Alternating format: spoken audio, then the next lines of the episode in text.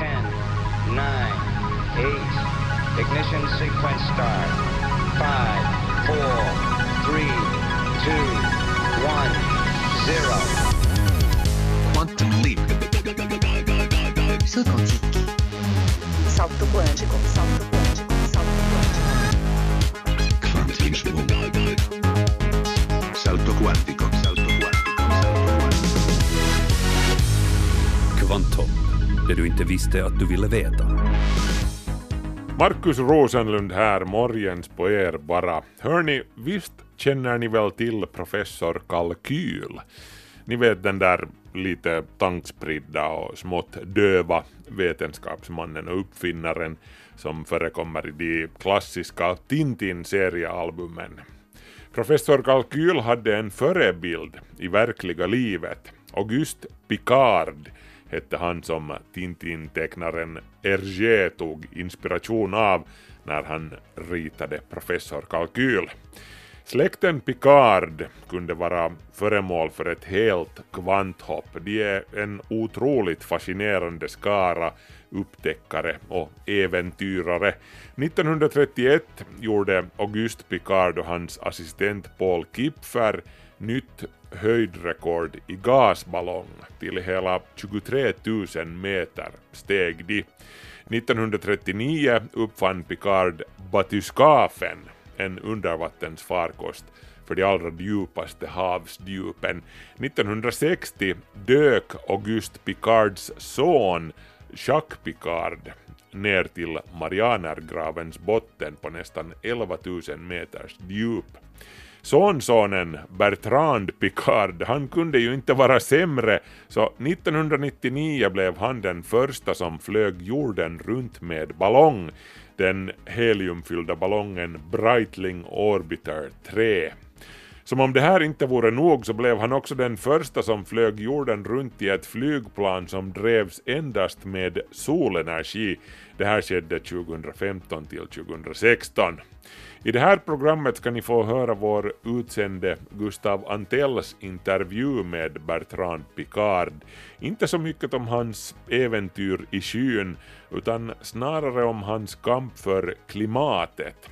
Picard är nämligen något av en miljökämpe, en som maktens män, bland annat Frankrikes president Macron, lyssnar på a lot of the heads of states I meet have a real wish to do good, but they don't have enough support. Många statsöverhuvud jag möter, säger Picard, skulle vilja göra mer för miljön, men de känner inte att de har det stöd de behöver.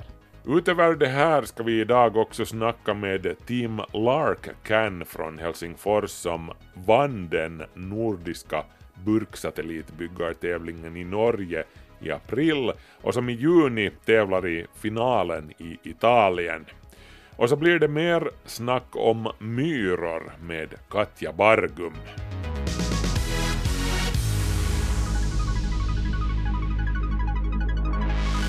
Notiser på kommande härnäst i Kvanthopp.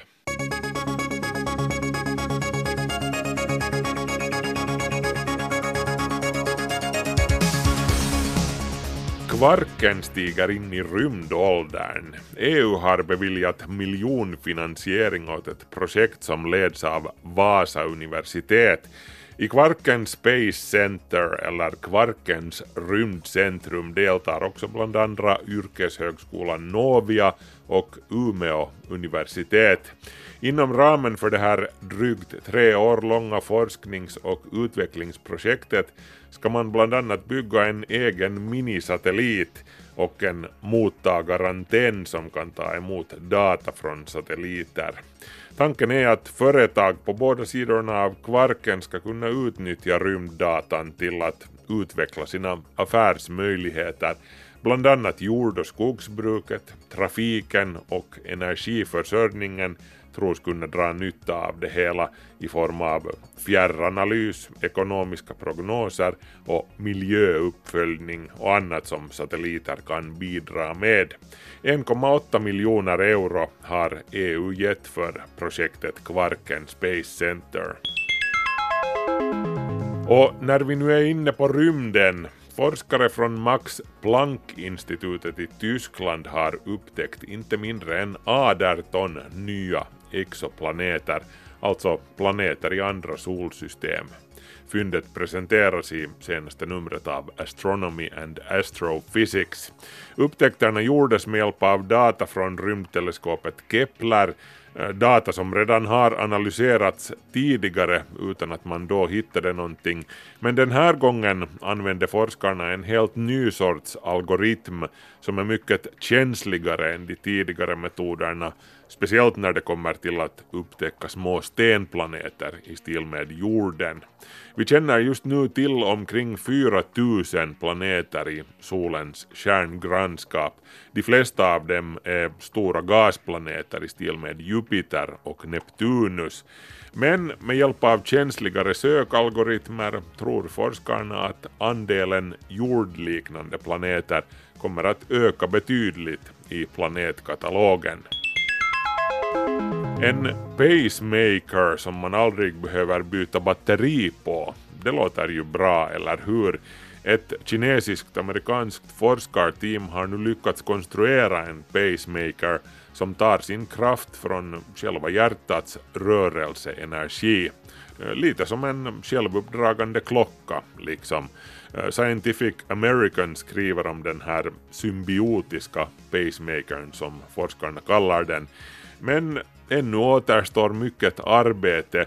Den nu presenterade lösningen har hittills bara testats på grisar, eh, grisar med friska hjärtan dessutom. Försök på människor är inte att vänta under den allra närmaste framtiden. Ett stort frågetecken är huruvida tekniken skulle gå att använda på ett hjärta som lider av någon sjukdom eller svaghet. Men vi går hur som helst mot en framtid där pacemakers och andra motsvarande implantat tar sin energi direkt från människokroppen, tror oberoende bedömare som Scientific American har talat med. Den gamla drömmen om kallfusion lever vidare. Fusion innebär ju alltså att man slår ihop veteatomer och får helium plus en massa energi i processen. Solen skapar ju till exempel sin energi med hjälp av vätefusion, men det är het fusion som sker under miljoner graders hetta och stort tryck. I så kallad kall fusion sker det hela mer eller mindre i rumstemperatur om det skulle vara möjligt alltså. Britterna Martin Fleischmann och Stanley Pons och deras berömda experiment på 80-talet gick snabbt från sensation till allmänt åtlöje då ingen lyckades med att upprepa det.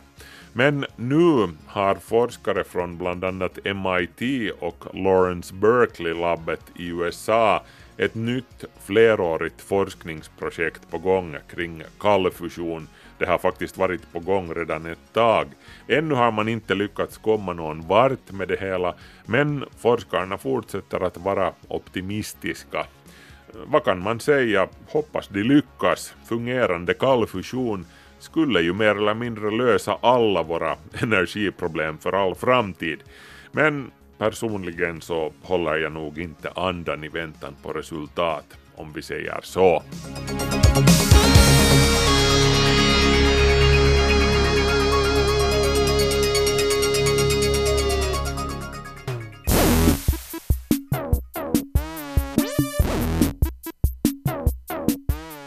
För några veckor sedan intervjuade jag CanSat, eller burksatellitbyggarna från gymnasiet Lärkan i Helsingfors. Eh, Team Lark Can kallar de sig. De heter Indigo Laurén, Maj Sundqvist, Karl-Emil Lemström, Felix Lindholm, Thomas Eversö. Och en CanSat, eller burksatellit, är alltså en liten övningssatellit, stor som en läskburk, därav alltså namnet. Den skjuts inte upp i rymden utan den lyfts en kilometer upp i luften med en raket eller med en drönare varefter den singlar ner till marken med en fallskärm och utför olika uppgifter under färden. Och inuti sig har den alltså för det ändamålet äkta elektronik och komponenter som i princip kunde sitta i en riktig satellit. I slutet av april ordnades det en nordisk tävling i att bygga just sådana här burksatelliter och den tävlingen gick av stapeln vid rymdcentret i Andöja i Norge. Och gissa vem som vann? Just det, Team Larkan från Lärkan i Helsingfors med sin lilla väderburksatellit som gör observationer av de rådande förhållandena då den faller från skyn.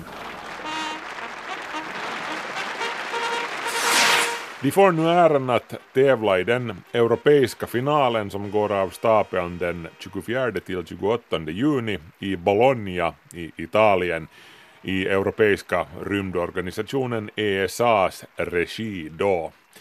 Men innan vi går dit så får Team Larkan summera segern i Andöja. Vad var det som avgjorde tävlingen till deras favör? Karl-Erik Lemström. Uh, eh, Det var vår idé ganska långt och eh, sen det att eh, vårt eh, utförande lyckades riktigt bra.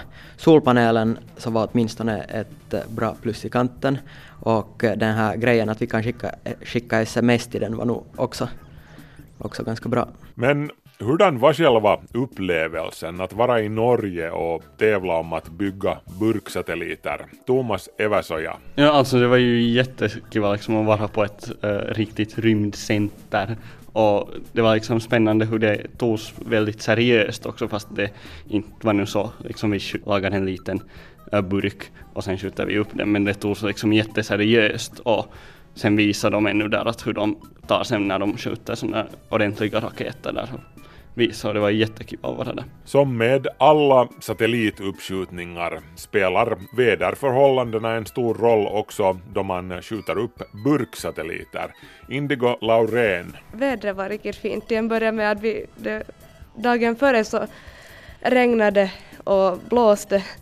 Så det gjorde oss ju till en början lite så här nervösa. Vad kommer nu hända? Den är inte riktigt vattentät ändå den här satelliten. Men att sen dagen vid uppskjutningen så var det riktigt fint väder och det blåste inte jätte... Det här, det blåste inte jättehårt heller. Så fick vi ta och det här eh, så att säga fixa och pynja lite på vår satellit på det här timmar före de här egentligen. Vi hade alltså två uppskjutningar, en till hälften av den här höjden och en till den här egentliga höjden sen. Och här emellan fick vi då ta och fixa och pynja på vår satellit och se om någonting ännu behöver fixas. Mm. Och det var alltså upp till en kilometer som, som den skickades den här, under den här riktiga prestationen. Uh, nej, nu var det faktiskt inte en kilometer. Att, eh, vi måste bara ta upp den med drönare nu. De hade några grejer där på det här Space-centret så att eh, vi kunde inte skjuta helt upp den.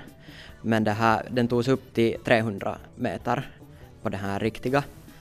Men då alltså sen i finalen så får vi skjuta upp den till en kilometer med raket. Just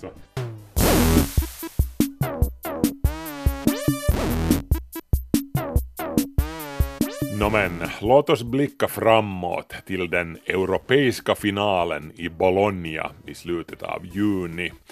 Thomas Eväsoja berättar om hur Team Lark kan har väst sin strategi och förbättrat sin teknik för att möta de ännu högre kraven. Ja, alltså vi, vi har förbättrat på den där, vår satellit så att den skulle ha mera sådana funktioner just med det där sms-skickande så att vi kan eh, slå på och av den liksom sådär ordentligt eh, från en längre distans och sen också att den skulle ha mycket mer funktioner och då har vi liksom uppgraderat lite det där. Eh, vi har satt en till uh, Arduino dit med så att den blir liksom enklare och mera minne också. Och en Arduino det är alltså en sån här liten minidator. Ja, ja, så vi, vi satte då en till så att vi skulle ha mera kapacitet att jobba med. Så vad tror de då om sina chanser i Bologna? Alla andra lag där så kommer ju också vara väldigt bra och de kommer också ha jättemycket sådana här idéer och antagligen ganska fina burkar kan jag tänka mig. Jag vet att de, många andra har ganska högklassiga projekt nog, men det här, nu tror jag vi har vi har, vi har också ett högklassigt projekt, så nu har vi säkert chanser. Om det nu skulle gå så väl att det blir en seger den här gången också i den europeiska finalen, vad händer då? Ja, no, alltså, det, det är ju det som att de har inte tagit och meddelat vad är priset. Mm. så vi får ju hoppas på att det är no, något, någon sorts det här, ett skulle vara att någon sorts studiestöd eller studieplats till och med kanske om man är tillräckligt bra. Vad har ni för planer så där i största allmänhet efter att, efter att gymnasiet är slut? Har ni, har ni redan nästa steg utstakat för er och kommer det på något vis att, att involvera satellitteknik eller motsvarande? Vad säger du till exempel? Det skulle nog vara ganska intressant att arbeta med det här i framtiden. Mm. Och nu tänkte jag studera på något universitet helst. Att gärna håller jag nog på med det här i framtiden också. Uh, ja, no, alltså jag har tänkt på Aalto-universitetet och kanske då någonting som skulle tangera med det här skulle vara intressant. Teknologi kommer ju nog vara viktigt ännu som i framtiden så säkert någonting med det. Ja, uh, något tekniskt vill jag nog studera, möjligen Aalto också. All right hörni, jag önskar er lycka till. Ni, ni ser ut att ha det liksom under kontrollen. En rulle Jesus-tejp finns här ju också. Det, det, det, ska man ju ha. Två rullar, grå och svart. Ni kan ju nu tipsa hur kan man följa med era framsteg i, i Bologna? Va, var ska man surfa in för att kolla hur det går för er? No, från vår egna webbsida som vi har gjort så hittas på uh, larkan.com och det skrivs ju då lärkkan. Så, ja. Och sen uh, Instagrammen är Team Larkan. Ja. Tack ska ni ha och lycka till! Tack till Thomas Eversoja, Indigo Laurén, Maj Sundqvist, Karl-Emil Lemström och Felix Lindholm. Yle Vega. Nu ska ni få träffa den legendariske piloten Bertrand Picard som blev världskänd när han för exakt 20 år sedan gjorde historiens första nonstop-flygning jorden runt med ballong.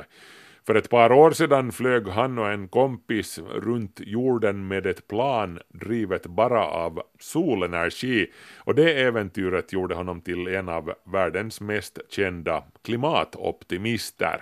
I'm an explorer of life, an explorer of different ways to think and to act. Jag är en upptäckare som utforskar livet och olika sätt att tänka och att agera.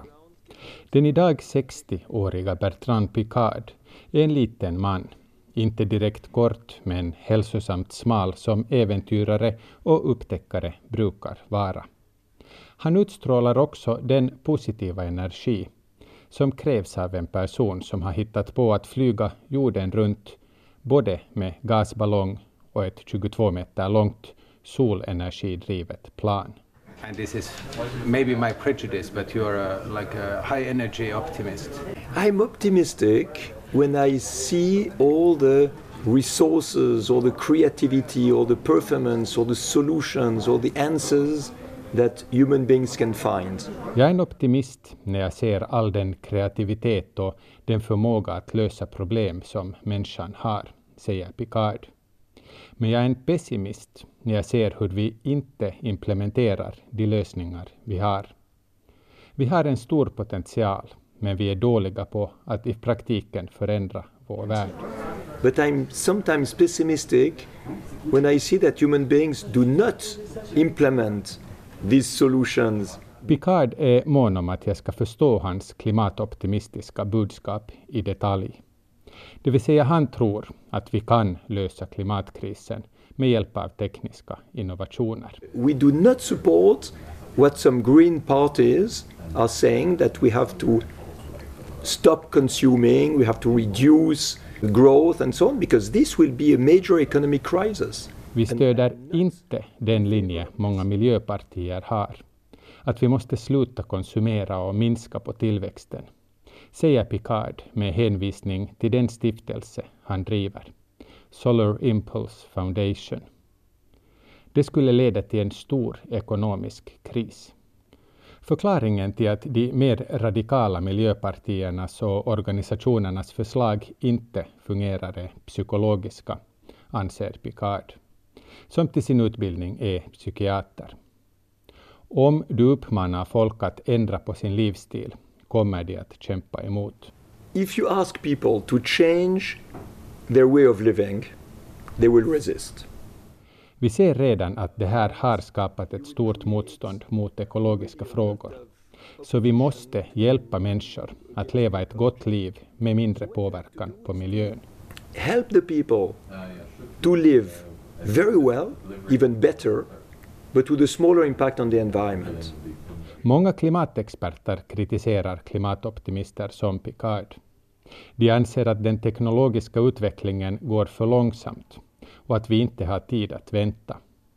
Picards budskap är att de har fel på båda punkterna. Problemet är att våra samhällen är byggda kring gammal teknologi och att nya idéer implementeras för långsamt, inte att de inte finns. Today, we have lost the mindset of innovation. We are in the mindset of optimization. Idag har vi glömt bort innovationen. Det rådande tankesättet är optimering, säger Picard. Optimering betyder att vi finslipar den teknik vi har istället för att introducera nya innovativa lösningar. Våra bilar drivs av förbränningsmotorn, en teknik som utvecklades för hundra år sedan.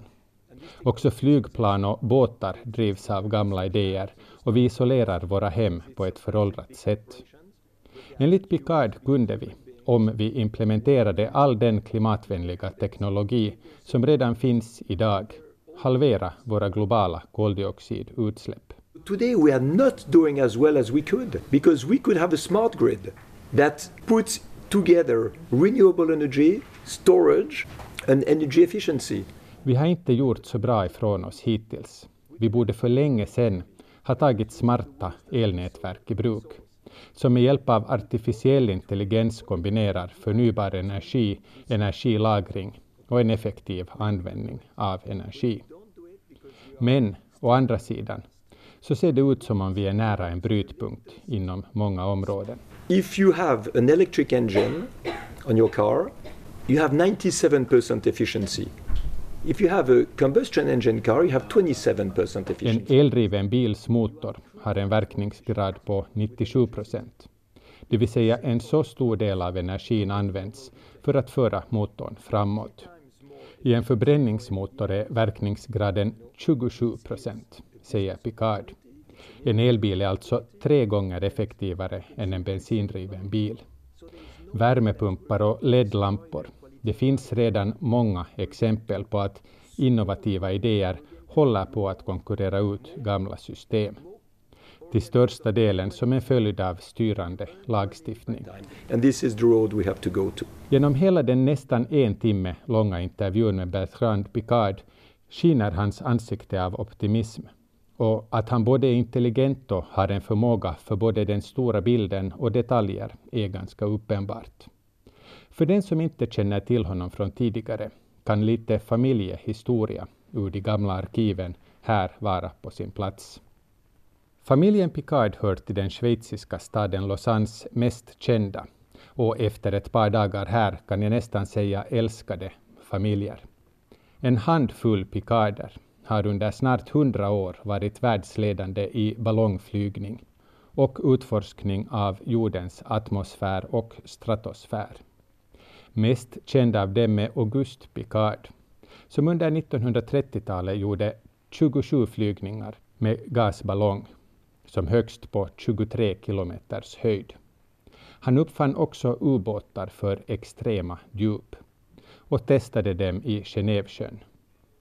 Auguste och hans son Jacques byggde den farkost som år 1960 tog Jacques Picard och amerikanen Don Walsh ner till botten av Marianagraven. Världens djupaste ställe, 11 kilometer under havets yta. Jacques var alltså Bertrand Picards pappa. Och som tidigare sagt var Bertrand både den första som flög nonstop runt jorden i en gasballong och så flög han tillsammans med André Borschberg, ett soldrivet plan Solar Impulse 2, jorden runt helt utan andra energikällor. Inte non-stop är väl viktigt att påpeka, men ändå. And when I was landing, I had this terrible impression of going back into the past, into a world that is outdated. När jag landade kändes det som om jag kom tillbaka till en förgången tid, en föråldrad värld, säger han om det äventyret. Enligt Picard inspirerade hans och Borschbergs resa flera flygplanstillverkare att börja utveckla eldrivna flygplan för passagerartrafik. Inom sju och ett halvt år kommer vi att kunna resa korta distanser med eldrivna plan. Nästan, lovar han. So the countdown has started. You will have electric airplanes to transport 50 people for short haul. När jag kom till Picards kontor satt han i telefonsamtal med Frankrikes president Emmanuel Macrons kontor. Han är en man som har tillgång till makthavare. A lot of the heads of states I meet have a real wish to do good, but they don't have enough support. Många statsöverhuvud jag möter, säger Picard, skulle vilja göra mer för miljön, men de känner inte att de har det stöd de behöver. Varken väljarna eller media förmedlar dem en bild av att det här är tillräckligt viktiga frågor. I see with a lot of hope these strikes of children who demonstrate for climate. Because this is a very clear message for the politicians. We support the politicians who are going into this direction. Därför är jag väldigt hoppfull när nu barnen ordnar sina klimatstrejker. De sänder en väldigt tydlig signal till politikerna. De politiker som värnar om klimatfrågor har barnens och ungdomarnas stöd. Om politikerna säger Picard att vi måste komma ifrån dem som ser det som sin uppgift att bara räkna pengar och decimaler. Det är tjänstemännens uppgift. If so many people are fed up of having no politicians or not enough politicians with a clear vision explaining where we have to go. Människor är trötta på att det finns så få politiker med en tydlig vision om vart vi är på väg. Politikerna måste ta ansvar för att själva uppfylla sina konkreta politiska mål, avslutar han. It's urgent today, really urgent, that the democratic politicians wake up and say what they propose, what are the directions and how to go together. Det här är Gustav Antell i Lausanne i Schweiz. Kvanthopp, det du inte visste att du ville veta. Katja Bargum är en av det här landets främsta experter på myror. Hon har bland annat skrivit boken Myrornas hemliga liv som nyss utkom på svenska. Vi börjar del två av myrintervjun med Katja Bargum med att fråga om det stämmer det här med att till och med ormar är rädda för myror.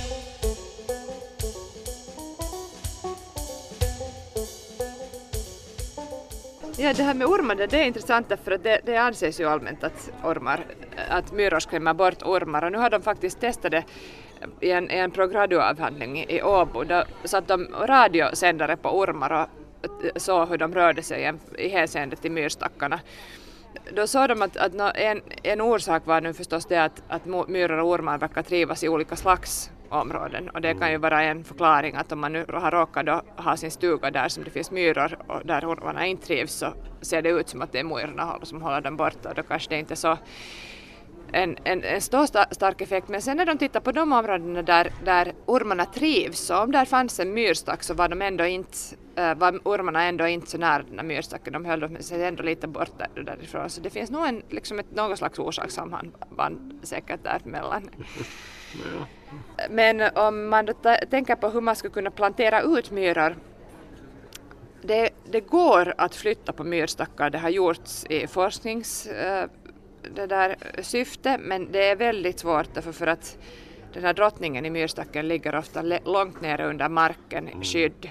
Så då måste man liksom gräva upp så långt att man faktiskt får med henne och vara säker på att man får med henne. Det, det, det är lite komplicerat. Jag tror att lättare kan det vara kanske att, att flytta sådana här till exempel sockermyror eller svartmyror som, som har lite mindre bon om man då lyckas hitta en drottning. Men att... Ligger det någonting i det där med att myror inte tycker om rabarberblad till exempel. Det fick jag höra när jag var liten att vill du ha bort myrorna, om du har myror inne så lägg rabarberblad på golvet så då, för det tycker de inte om. Det var, det var nytt för mig det här med rabarberblad. Men jag kan tänka mig att, att det kunde stämma på det sättet att rabarber har ju starka syror i sig. Eh, och, och det där, myror tycker ju i allmänhet inte om sånt som luktar väldigt starkt eller sånt som de själva då kan känna att luktar. Och de, själva kommunicerar de ju väldigt mycket med lukt. Och deras myrstigar bygger också på att de lägger ut luktspår. Så att om, de blir, om deras luktsinne blir stört så är det säkert för, ganska svårt för dem att hitta fram eller att, att röra sig. Det är lite som att vi skulle behöv, måste navigera i mörker. För, för myrorna är luktsinne lika viktigt som synen är för oss. Så det kan ju hända att om man, spri, om man sätter ut rabarberblad så fungerar det på samma sätt som citronsaft eller peppar eller äh, andra sådana starkt luktande ämnen fungerar att, att lite hålla myrorna borta. Ja. Eh, nu helt nu på sistone tycker jag det har börjat pratas allt mer om, om myror och insekter över, överlag som, som en källa till näring för människor, alltså att använda dem som föda. Har du något bra recept på, på myror som du vill dela med dig av? Ja, det är ju, I andra kulturer används myror ganska allmänt som, som föda. I, i, i Mexiko så, så äh, rostar de sådana bladskärarmyrors drottningar och de blir lite som popcorn. Ja. Väldigt sådär äh, knappriga och, och, och goda sägs det. Jag har själv inte smakat. Jag vet att, att en dansk gourmetrestaurang har använt också ett slags sockermyror som, som garnering på sina rätter. Eh, Men du har inte smakat på myror alltså? Nej, jag har inte smakat på myror. Jag har smakat på, på myr, äh, sån här myrsyra som man gör som barn när man Ja. sätter en pinne in i myrstacken och Ja, det rör om. också. Mm. Ja. Och jag tror att myror i, i grunden smakar ganska mycket som det är lite surt och, och, och så. Men att det där, det går att äta finska myror, man, måste vara lite, man ska gärna hetta upp dem. De kan innehålla en, en levermask, alltså en parasit, de här myrorna, och, som också kan sätta sig på människa. Så det, det, är det, där. Och det, det har faktiskt förekommit att, att människor i Finland har, ha- har fått mask av att äta myror. Okej, det där var ett bra tips. Lägg det bakom öronen alla där ute. Men eh, i Masterchef Australia-programmet så serverade de myror åt eh, kronprins Charles av Storbritannien så, så, så det måste ju ligga någonting i det här. Ja, ja det var, jag tror att det var vävarmyror, de äts också mycket där i Asien. Man, man kan göra chutney av dem, sån här stark uh, kryddsås av dem sägs det. Okej. Är det rödvin eller vitt vin till myror? Ja, en sån där surhet kanske det ändå skulle vara vitt vin. Okej.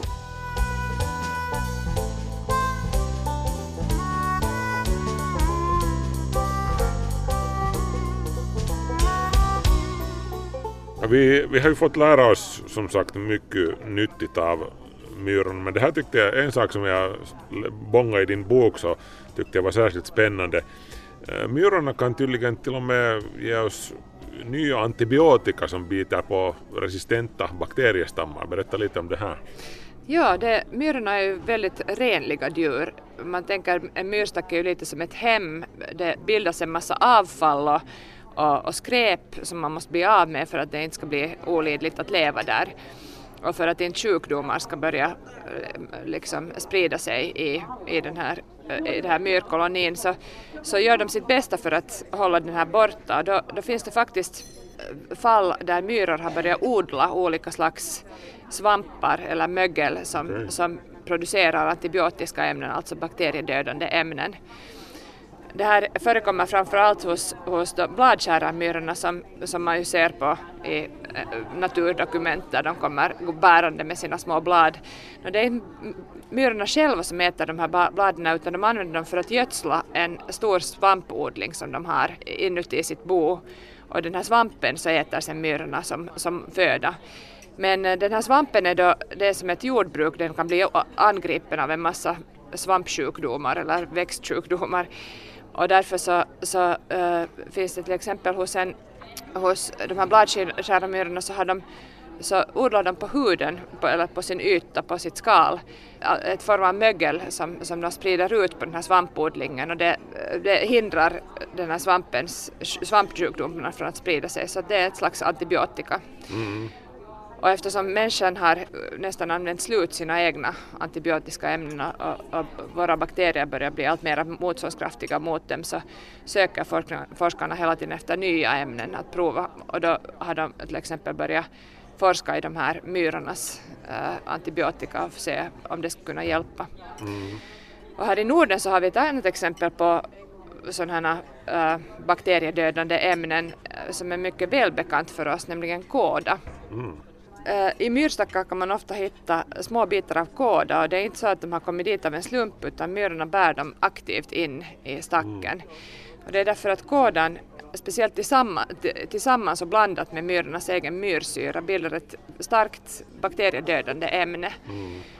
Och det här, man kan säga att, att de, när man i laboratoriet tar bort kådan från de här kolonierna så klarar de sig mycket sämre mot en massa sjukdomar. Mm. Så att äh, det verkar som att, att myrorna har, har många olika slags läkemedel som vi kanske skulle kunna använda oss av. Ja. Det, det är nog fascinerande när man lyssnar på det här alltså. Det, det är ju en grym det är nästan som intelligens det där. Det är ju otroligt, det är otroligt utvecklat eh, på en hög nivå. Alltså, vad, skulle du använda ordet intelligens i det här sammanhanget eller hur ska man beskriva den här nivån av sofistikation som ju ändå är ganska hög? Jo, det är alltså, jag tycker det är väldigt intressant att tänka på hur det här går till. Alltså var, vem, vilken är den första myran som börjar samla kåda eller, eller så. Men, men i, i grund och botten så handlar det ju om att de kolonier som har betett sig på ett visst sätt har klarat sig bättre i natur, det naturliga urvalet. Och, och, och de drottningarna som föds i de kolonierna klarar sig sen bättre som vuxna. Jag vet inte om man skulle kalla det intelligens. En, en, den enskilda myran är nog visst på ett visst sätt intelligent. Man har vis, det har visat sig att de är faktiskt inte speciellt mycket sämre på än råttor till exempel på att hitta i en labyrint eller så. Men att det är nog kanske just det här kollektivet och det här, det här tillsammans, att de, vad de kan åstadkomma tillsammans som gör att myrorna är så speciellt intelligenta. Då kan man kanske lite jämföra det med att människan består av en massa små delar, en massa små celler, en massa Mm. hjärnceller och hudceller och det ena och det andra som gör, har sina uppgifter att göra och sen bygger upp den här stora helheten som är människan. Mm. Det är kanske egentligen det som, som vi liknar mest om man tänker på eh, när man tänker på hur människan och myran liknar varandra så kanske vi inte, kanske till och med det, vårt samhälle är inte kanske den bästa liknelse utan vår kropp är kanske den bästa liknelsen. Ja, ja, precis. Så vi är liksom vandrande myrstackar på sätt och vis av celler. Ja, precis. Och att våra, de enskilda cellerna är inte äh, viktiga utan det är den där helheten som är viktig.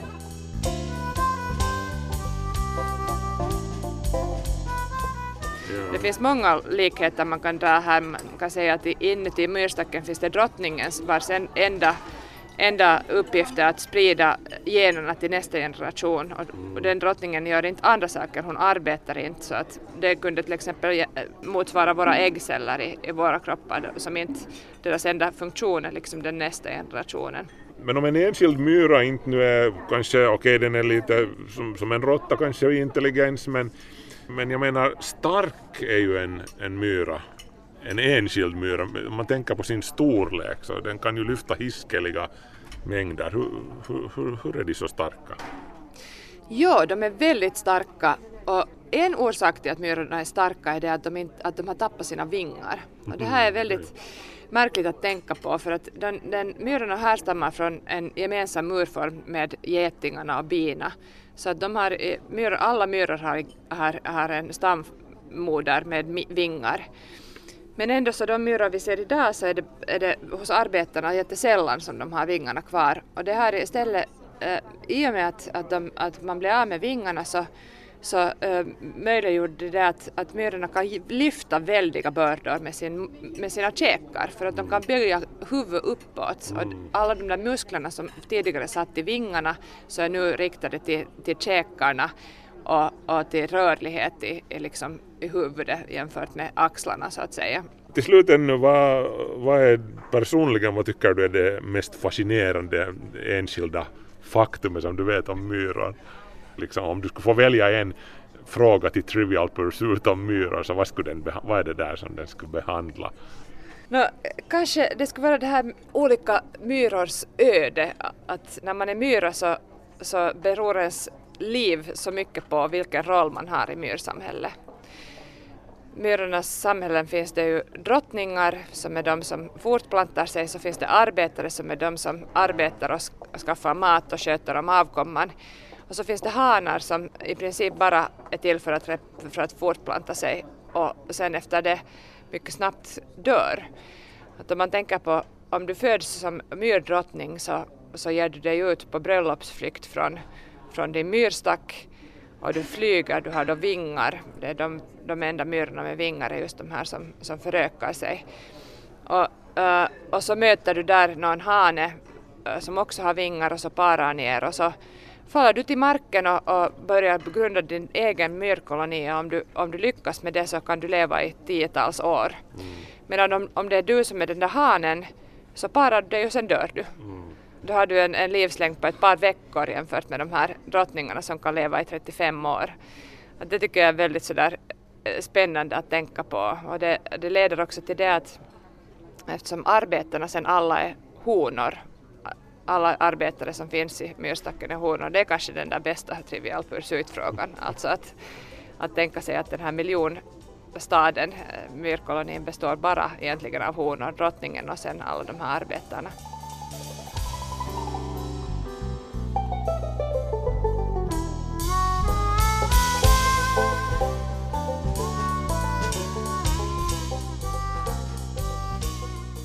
Har du frågor rörande myror så kan du skicka in dem till e-postadressen natursnabelayle.fi. För den 4 juli kommer Katja Bargum att gästa Naturväktarna på Yle Vega och då svarar hon kanske just på din fråga. Natur.yle.fi alltså, frågor om myror. Nu är Kvanthopp slut för den här gången. Markus Rosenlund heter jag som tackar för sällskapet och vi hörs igen om en vecka. Ha det så bra, hej så länge.